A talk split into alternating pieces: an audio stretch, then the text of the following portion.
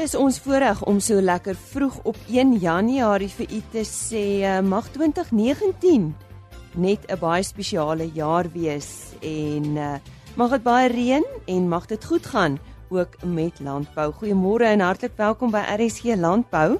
Ons uh, praat vandag weer eens oor die belangrikheid van opvolgbeplanning.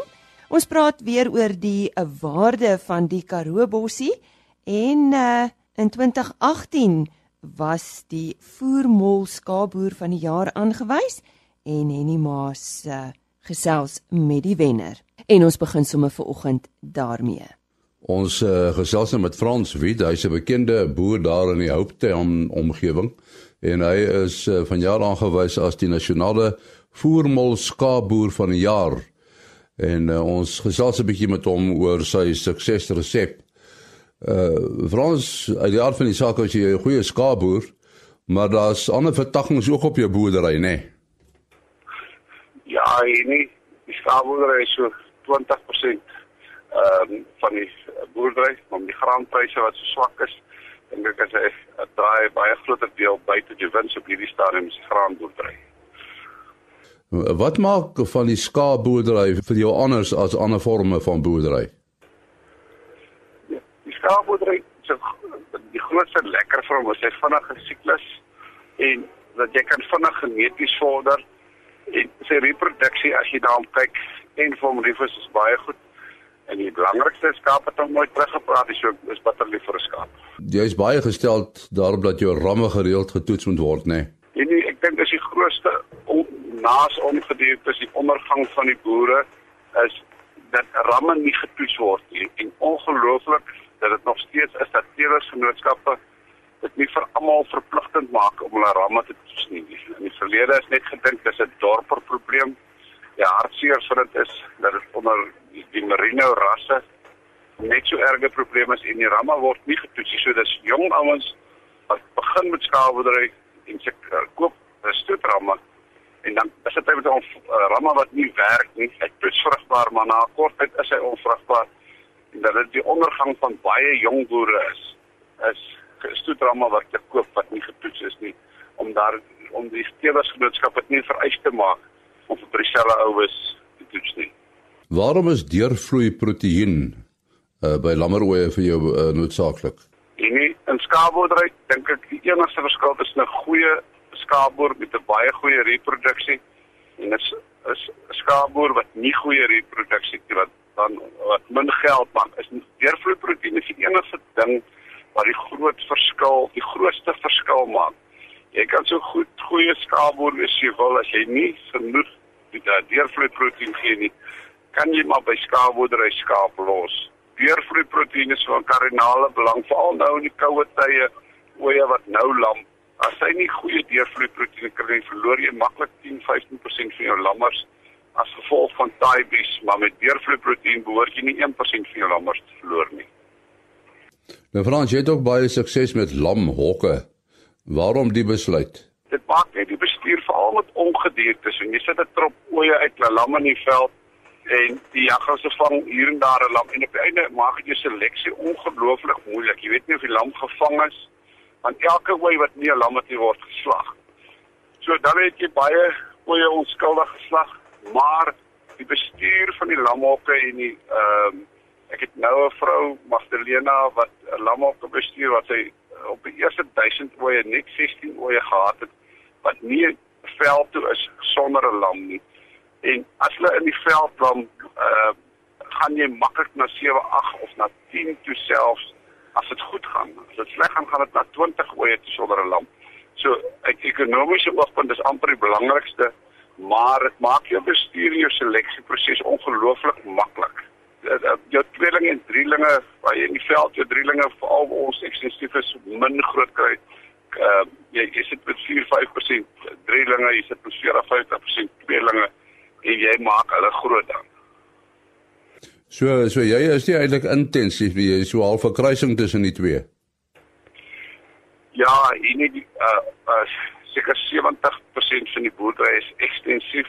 Daar is 'n klompie weidinglande wat ooe met lammers wat net maar in 'n dorper ooi kom die lande toe nie, maar hulle lam nog steeds in lamhokke. So dit is dit is nie net intensief nie. 'n Groot deel is ekstensief en dit is Makaroo, ons dra krag 4 hektar per per tuin vir eenheid. So ons het 'n groot oppervlakte nodig vir 'n klomp ooe. En weidingsbestuur, hoe pas jy dit toe? Ekstensiewe weiding bestuur daar daar kyk ons uit uit vis na die veld en uh, as hulle baie lek vreet 'n kamp, weet ons al lyk die kamp goed, is hy nie goed nie. Maar ons het 'n stelsel wat al die droë ooe saam in troppe is. Dit kan drukbeweiding toepas maar met ooe met lammertjies ehm um, het dele veld wat hulle in kleiner troppe is wat maar die beter veld vir hulle gegee word en die natuur ag die aangeplante weidings sleep ons met groot troppe dat ons oral is maar om 'n drukbeweidingstelsel en dat daar genoeg rustyd is vir die veld daarna. Jy het al gepraat van roofdiere, blybare kopseer nê? Nee? Ongelukkig uh, is die roofdiere en die Karoo baie keer ongelukkig die stadium 'n groter bedreiging is politiek politiek is nog op pad die roofdiere is klaar daar die roofdiere eet fisies die ouens van die plaas af baie kinders kan nie universiteit toe gaan nie as gevolg van roofdiere daar is nie meer geld daarvoor nie so die roofdiere maak as jy verskil tussen 140% speen en 40% speen so dit is uiters van kardinale belang en wat die belangrikste daar is, dit is moontlik om hulle ten volle te beheer. Die ouens so baie ouens gee moed op en dink nie is moontlik nie. Ek neem jou ou kwaliek op wat dink is nie meer moeilik nie. Of moontlik nie. Ek het op 'n stadium amper gedink, "Eeg, dit dit is erg, my plaas is almal geelektrifiseer." Maar met nuwe effort en nuwe moed, die ouens is skoon, ons verliese is ongelooflik min op die stadium. Maar dis ook een van daai goed sodra jy breek daaroor dan is jou pad slaan naby, dan is hulle maar weer daar. So maar nie dit is moontlik en dit is die verskil tussen tussen 40 en 140% speen. Nou ja, ons sê baie dankie aan Frans Wit, hy is uh, daar van Hope Town en hy is aangewys as die nasionale voermol skaapboer van die jaar. Ons uh, gereelde gas Frans van Eden het deur die loop van die jare 'n paar fokuspunte aangeraak. Nou een van die belangrikstes is waarskynlik opvolgbeplanning in 'n boerdery. Nou 'n kwessie wat menige familiebesighede al hande in die hare gelos het. Frans deel vanoggend so 'n scenario met ons en ons hoor ook wat die oplossing in so 'n geval sou wees. Nou Frans verduidelik nou net eers in een of twee sinne weer wat is opvolgbeplanning? Okay, lê wel opvolgbeplanning is die proses waar jy beplan vir jou uittrede of dit nou ehm um, as gevolg van 'n ongeluk en of dit nou beplan is vir 'n soort van aftrede. Maar dis 'n dit is 'n beplande proses van wat gaan gebeur met die besigheid as jy nie meer in hom is nie. So dit is opvolgbeplanning en net dit op. Wat behels hierdie spesifieke probleemgeval waarmee jy te doen gekry het? Wel, Lisa, dit is 'n was 'n konstruksiemaatskappy. En wat gebeur het was, ek gaan nou nie name noem om enige identiteite ehm um, uit te gee nie, maar basies wat gebeur het is daar 'n broer gewees. Die broer was die sleutelman in die besigheid en hy het 'n beroerte gekry. Die familie het is 'n familiebesigheid natuurlik en hulle het reg aanval ons kan nie bekostig om wat die familie kon nie bekostig dat hy nie meer salaris het nie die die vrou en kinders. So die familie het nie nog steeds uit die familiebesigheid uit om 'n salaris betaal. So dit is die eerste probleem wat daar was. Tweede probleem was dat die die familie, die die res van die familie, die die pa en die susters en so meer, moes toe na iemand kry om hom te vervang in die besigheid want hy het 'n baie belangrike rol in die besigheid gespeel dat daar nie regtig enige inkomste kon kom in die besigheid sonder dat dit deur hom goedgekeur was nie. Hy was daai sleutelpersoon wat al die projekte ehm um, gekry het, ontwerp het, beplan het en dan het hulle getender op. Die res het eintlik net die administrasie in die besigheid gedoen. Sy verstaan wat net gebeur het. Ehm um, Dit is eintlik 'n beroep, dit kon nou nie meer werk nie. Jy moet hom nou vervang. Nou, as jy iemand gaan kry met senior bestuursvaardighede, het jy recruitment fees wat jy moet betaal. Nou, daai recruitment fees kan soms tot en met 'n jaar se salaris wees, afhangende hoe gekwalifiseerd die persoon is en hoeveel jare se ondervinding hy het. Nou, ongelukkig, as jy iemand aanstel in 'n familiebesigheid, kan dit gebeur as hierdie persoon nie gemotiveerd genoeg is in jou besigheid nie of hy verstaan nie goed genoeg nie dan gaan hy nie dieselfde effek hê in die besigheid as wat 'n familielid sou gehad het. En dit natuurlik wat hier gebeur het. Inteendeel het dit drie keer gebeur. Hulle het drie verskillende mense in die pos aangestel en al drie keer kon die persoon nie die mas opkom om presies dieselfde resultate en diens te lewer as wat die broer kon. So stadig maar seker deur die jare, so 5 jaar. Hy het op 'n punt gekom waar hulle met hulle rugte in die muur staan. En hulle kan nie die besigheid toemaak nie, want hulle familie rus uh, en rus daarop en kry inkomste daai. Maar buiten ek sê ook vir baie werknemers en families wat op hulle uh, staat maak vir 'n inkomste. Nou wat nou? Hoe kry mense daai besigheid uit? Dit wat ons nou gaan bespreek vandag. Waarom moes die familie steeds op 'n maandelikse grondslagvoorsiening maak vir die man se gesin? Die ongelukkigheid hiermee was dat daar nie inkomste beskermer vir die broer was nie. Ehm um, dit was nie iets wat ek gaan bespreek het met 'n makelaar nie. Ehm um, hy het nooit 'n vliegtuig gekry nie en daar was dan geen voorsiening gemaak daarvoor nie. So wat nou gebeur is oomblik as jy ehm um, ek gaan 'n Engelse woord gebruik, maar dis able is en jy kan nie meer werk om 'n inkomste te verdien. Dan jy inkomste eh uh, vermoë om 'n inkomste te verdien. Natuurlik daarmee ja. Nou tradisioneel is die versekerings wat kan dek daarvoor sodat jy 'n inkomste nog steeds kan verdien met 'n inkomste beskermer, maar hy het dit nie gehad nie. So hy het natuurlik nou verhoogde mediese onkoste ook, want hy het iemand nodig om te sorg, maar daai geld moet van iewers af kom. Vrou bring nie genoeg geld in om dit te dek nie, want sy het gewerk, ja, maar sy kry nog presies dieselfde salaris as wat sy gekry het toe hy nog werk het. So jy jy daar's inkomste wat wat kos en die familie is lief vir die broer natuurlik So hulle gaan nou uit die huis nog soms daar staan. Watter effek het dit op die familie se finansies gehad, Frans?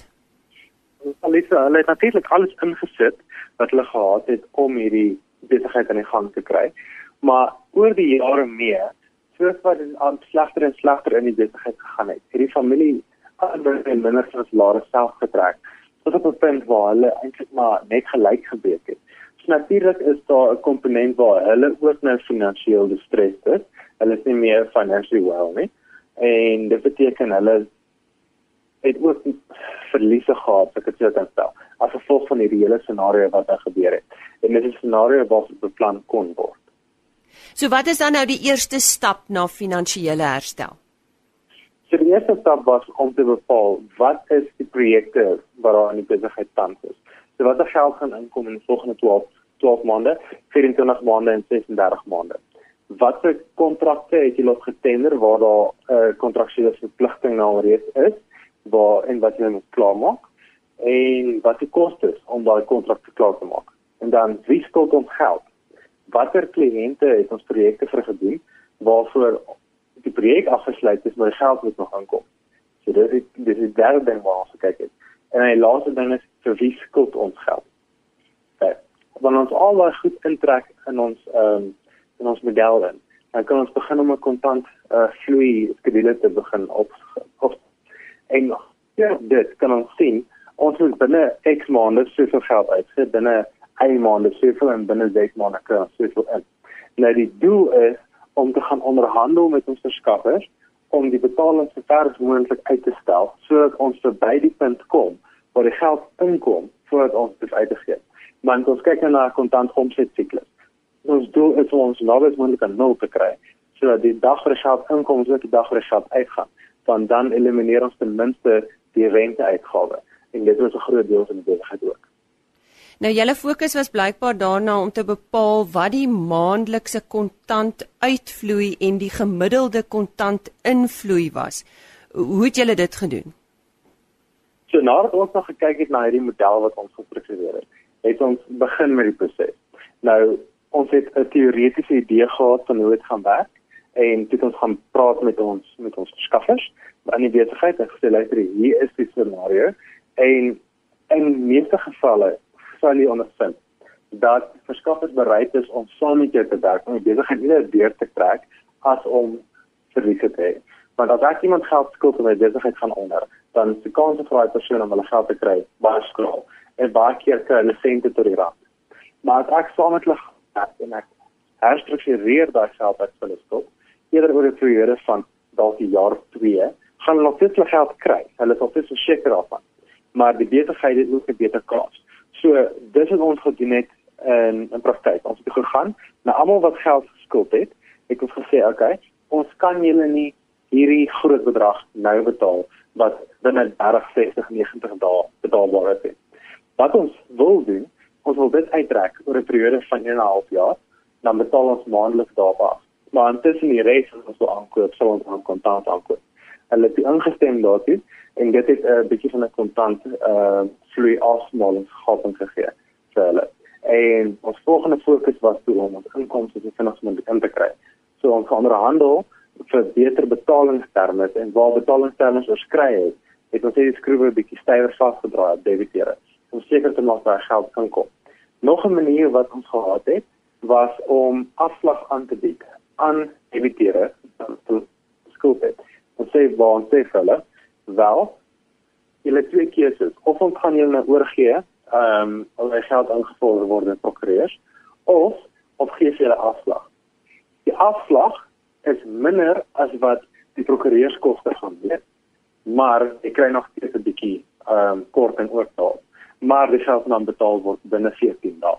En dit is wat gebeur het. Ehm uh, nie in alle gevalle nie, daar is gevalle waar mense nie betaal het nie. Daar was selfs gevalle waar die besigheid waar hulle gedink het hulle debiteure waar die debiteure al uit besigheid uit gegaan het maar daar natuurlik moet geld dan afgeskryf word maar die geval het ontstaan waar baie mense dan hulle geld vinnig moet betaal het om daai afslag te kry en uh, wat van belasting so natuurlik is daar 'n belastingkomponent maar in hierdie geval het die besigheid soveel verliese gemaak oor die jare al wat ons toe gedoen het is ons beplan vir belasting in die toekoms ons het wel gekyk vir belasting BTW hoe ons dit kan gebruik om um, rente te verdien op die geld wat jy moet invorder vir pas. So basies vir ons het leer gestel van basies wat beteken. Ek kry geld van dat ek namens pas invorder. Ek sit dit in 'n rente draande rekening. Ek verdien rente op daai geld, maar wat gebeur is jy verdien rente op daai geld en dit kan jou oorhoofse kostes laer maak. So dit dra van jou oorhoofse kostes. Maar jy het nog steeds aan die einde van die 2 maande BTW siklus daai geld dan vas oorbetaal. Frans, wat is van die opsies wat die familie tans tot hulle beskikking het? So tans ons staan nog in die, in die posisie waar ons 'n bietjie geld moet inkry, maar wat ons nou gaan doen, ons moet besluit wel dis hier is 'n ander geval waar die familie moet besluit. Hoe gaan hulle ekstra geld in hulle oorhoofse kostes oormaak? So eerste ding is leksiere is uit. Daar's geen leksiere meer van mediese persoonlike kapasiteit en ook geen leksiere meer vir die familiebesigheid nie. So daar's ook nie net nuwe bates wat gekoop word in die volgende 2 jaar nie, so vaste bates, bakkies, trokke en so meer. Alles wat hulle het, hou hulle. Ehm uh, skuld word gedelg vanaf moontlik enigiets nie ehm uh, gebruik word nie, tans wat net uh, in reserve staan. So 'n uh, ou trok wat hulle dalk gebruik het, hulle gedink het as dit nodig is, gaan hulle hom weer gebruik en bring dit word nou omskep in kontant. My laaste ding is personeelsalarisse. Nou niemand wil personeel afdank nie, want dit is families wat wat staat maak op hy inkomste. So een van die dinge wat hulle moontlik gaan oorweeg om te doen, is om voor te stel dat taks van dat mense afgedank word, gaan die persone eerder kan voorstel om om verlof te vat vir maand. So dan het jy nog steeds die jy verloor net een maand spek van 10% van die besigheid wat 100% van die salaris verloor. So almal lê eerder 'n bietjie saam as dat 'n klein groepie vreeslik moet lê. As jy verstaan wat ek bedoel. Hm. Nou nou watter van hierdie opsies wat jy nou genoem het sal volgens jou die doeltreffendste werk? Die treffendste is natuurlik om alles sê om te sny aan salarisse. Maar dit is vir my eintlik die laaste opsie. Die eerste opsie vir my is om te gaan en al jou bates wat jy wat jy nie gebruik nie, ehm um, te likwideer. En daai kontante gebruik om skuld af te betaal. Want skuld het rente. Rente is geld wat jy ewig kan gebruik in die dagligdag besigheid. So raak ons slaaf vir enigiets wat rente dra. So vinnig moontlik. Dis die beste opsie in my opinie. Nou Frans, ek dink jy het 'n paar van ons familieboerderye laat dink vanoggend. Watter lesse is uit hierdie scenario waarvan uh, jy gepraat het te leer? Wel lesse, die eerste les is natuurlik beplan vir wat gaan met jou besigheid gebeur as jy uh as gevolg van disability nie meer daar is nie. Boerdery is van so 'n aard dat jy konstant daar moet wees om die besigheid in gang te hou. Ander besighede, dan alternatiewe word 'n belegger in jou besigheid sodat ander mense bestuur namens jou, maar jy gaan nooit heeltemal kan uittreë uit 'n boerdery uit nie. Dis die eerste ding wat jy moet verstaan. Maar jy kan nog steeds stelsels en sisteme en plekke gaan eh, plek sit sodat as iets met jou gebeur, is daar 'n stelsel wat die besigheid kan bestuur. Is daar nog steeds 'n proses wat jy kan oorgee aan jou opvolger waar hy net proses moet volg om presies dieselfde uitkomste te kry. Maar tweedens wat gaan gebeur met die skuld? So, jy moet begin kyk na na ehm uh, lewensversekering. Jy moet begin kyk na ehm um, jou inkomstebeskermers. Daai is verskriklik belangrik. Nie net vir die besigheid nie, maar daar daar is sleutel aan versekerings daar gedoen, maar vir gerusstelling vir jou en jou familie dat die kostes wat kan gepaard gaan met disability wel gedek word. Ja. Dis aan Frans van Eden wat vandag met ons gesels het oor die belangrikheid van opvolgbeplanning uh van ons besighede en so ook ons familieboerderye. Ons gaan kuier nou in die Karoo saam met Karen Venter. Goeiemôre luisteraars. Ek kuier vandag in die Komadaga omgewing hier in uh die Ooskaap en ek is op die plaas Verdun uh by oom Jimmy Triter en sy vrou Dikkie. Dit is 'n pragtige plek met vallei bosveld en hier word geboer met merinos en angora bokke. Karen, ons het vandag gepraat oor volhoubare boerdery en en gekyk na die natuuraspek daarvan. Uh en ons verstaan dat daar ander bene is waar vol volhoubare boerdery rus. Die ekonomie en al die ander uh fasette wat daarmee gepaard gaan. En so het ek net een eendag die gewaarwording gekry deurdat ek na Karoobossie gekyk het, net 'n paar dingetjies het my opgeval wat ek graag saam met jou wou deel. Uh, die Karoobos is deel van ons Afrikaanse erfenis. Sy Latynse naam of botaniese naam is Pensia incana. Dit beteken ankerkaroo.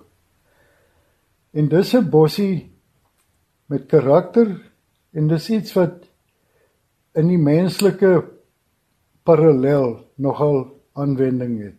Jy weet 'n karoobossie verloor nie moed nie. Hy groei in 'n semi-woestyn, dit raak bitter warm, uh, verlengde droogtye. Hy oorleef ongelooflike koue tye, haal, brand, noem maar. Die ou karoobossie is 'n uh, van onwrikbare geloof. Op geen stadium verloor hy vertroue in sy skepper nie. Hy ons as mens voel ons word afgeskeep, ons word vergeet. Ons verval in selfbejammering of ons dink aan selfmoord as dinge verkeerd loop. Die Karobo sien nie.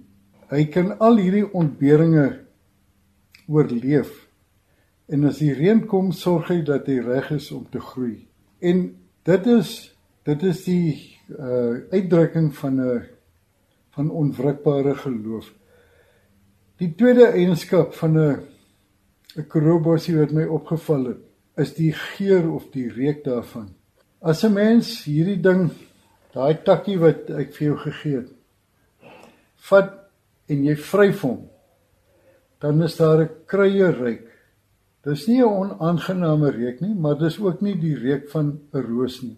'n Roos gaan ons nie oorstry nie, hy ruik lekker, dis soet of dis aangenaam. Maar 'n karoobos se geur is die reuk van karakter. En ons moet sorg dat die mense wat met ons skouers vryf, dat ons reuk aan hulle afvryf, die reuk van karakter. Jou ja is ja en dit wat jy dit wat jy uitleef, leef jy uit in karakter.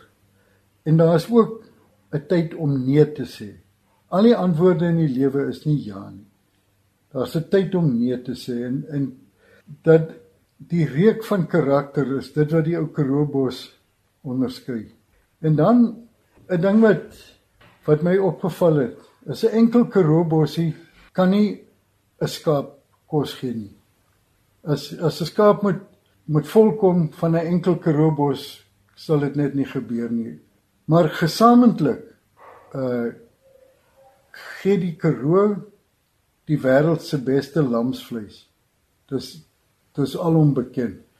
Dis 'n geurvolle wonderlike ehm uh, smaaklike geskenk aan die wêreld. En as ons soos die Karoo kan saam staan, is daar niks in die wêreld wat ons kan wen nie.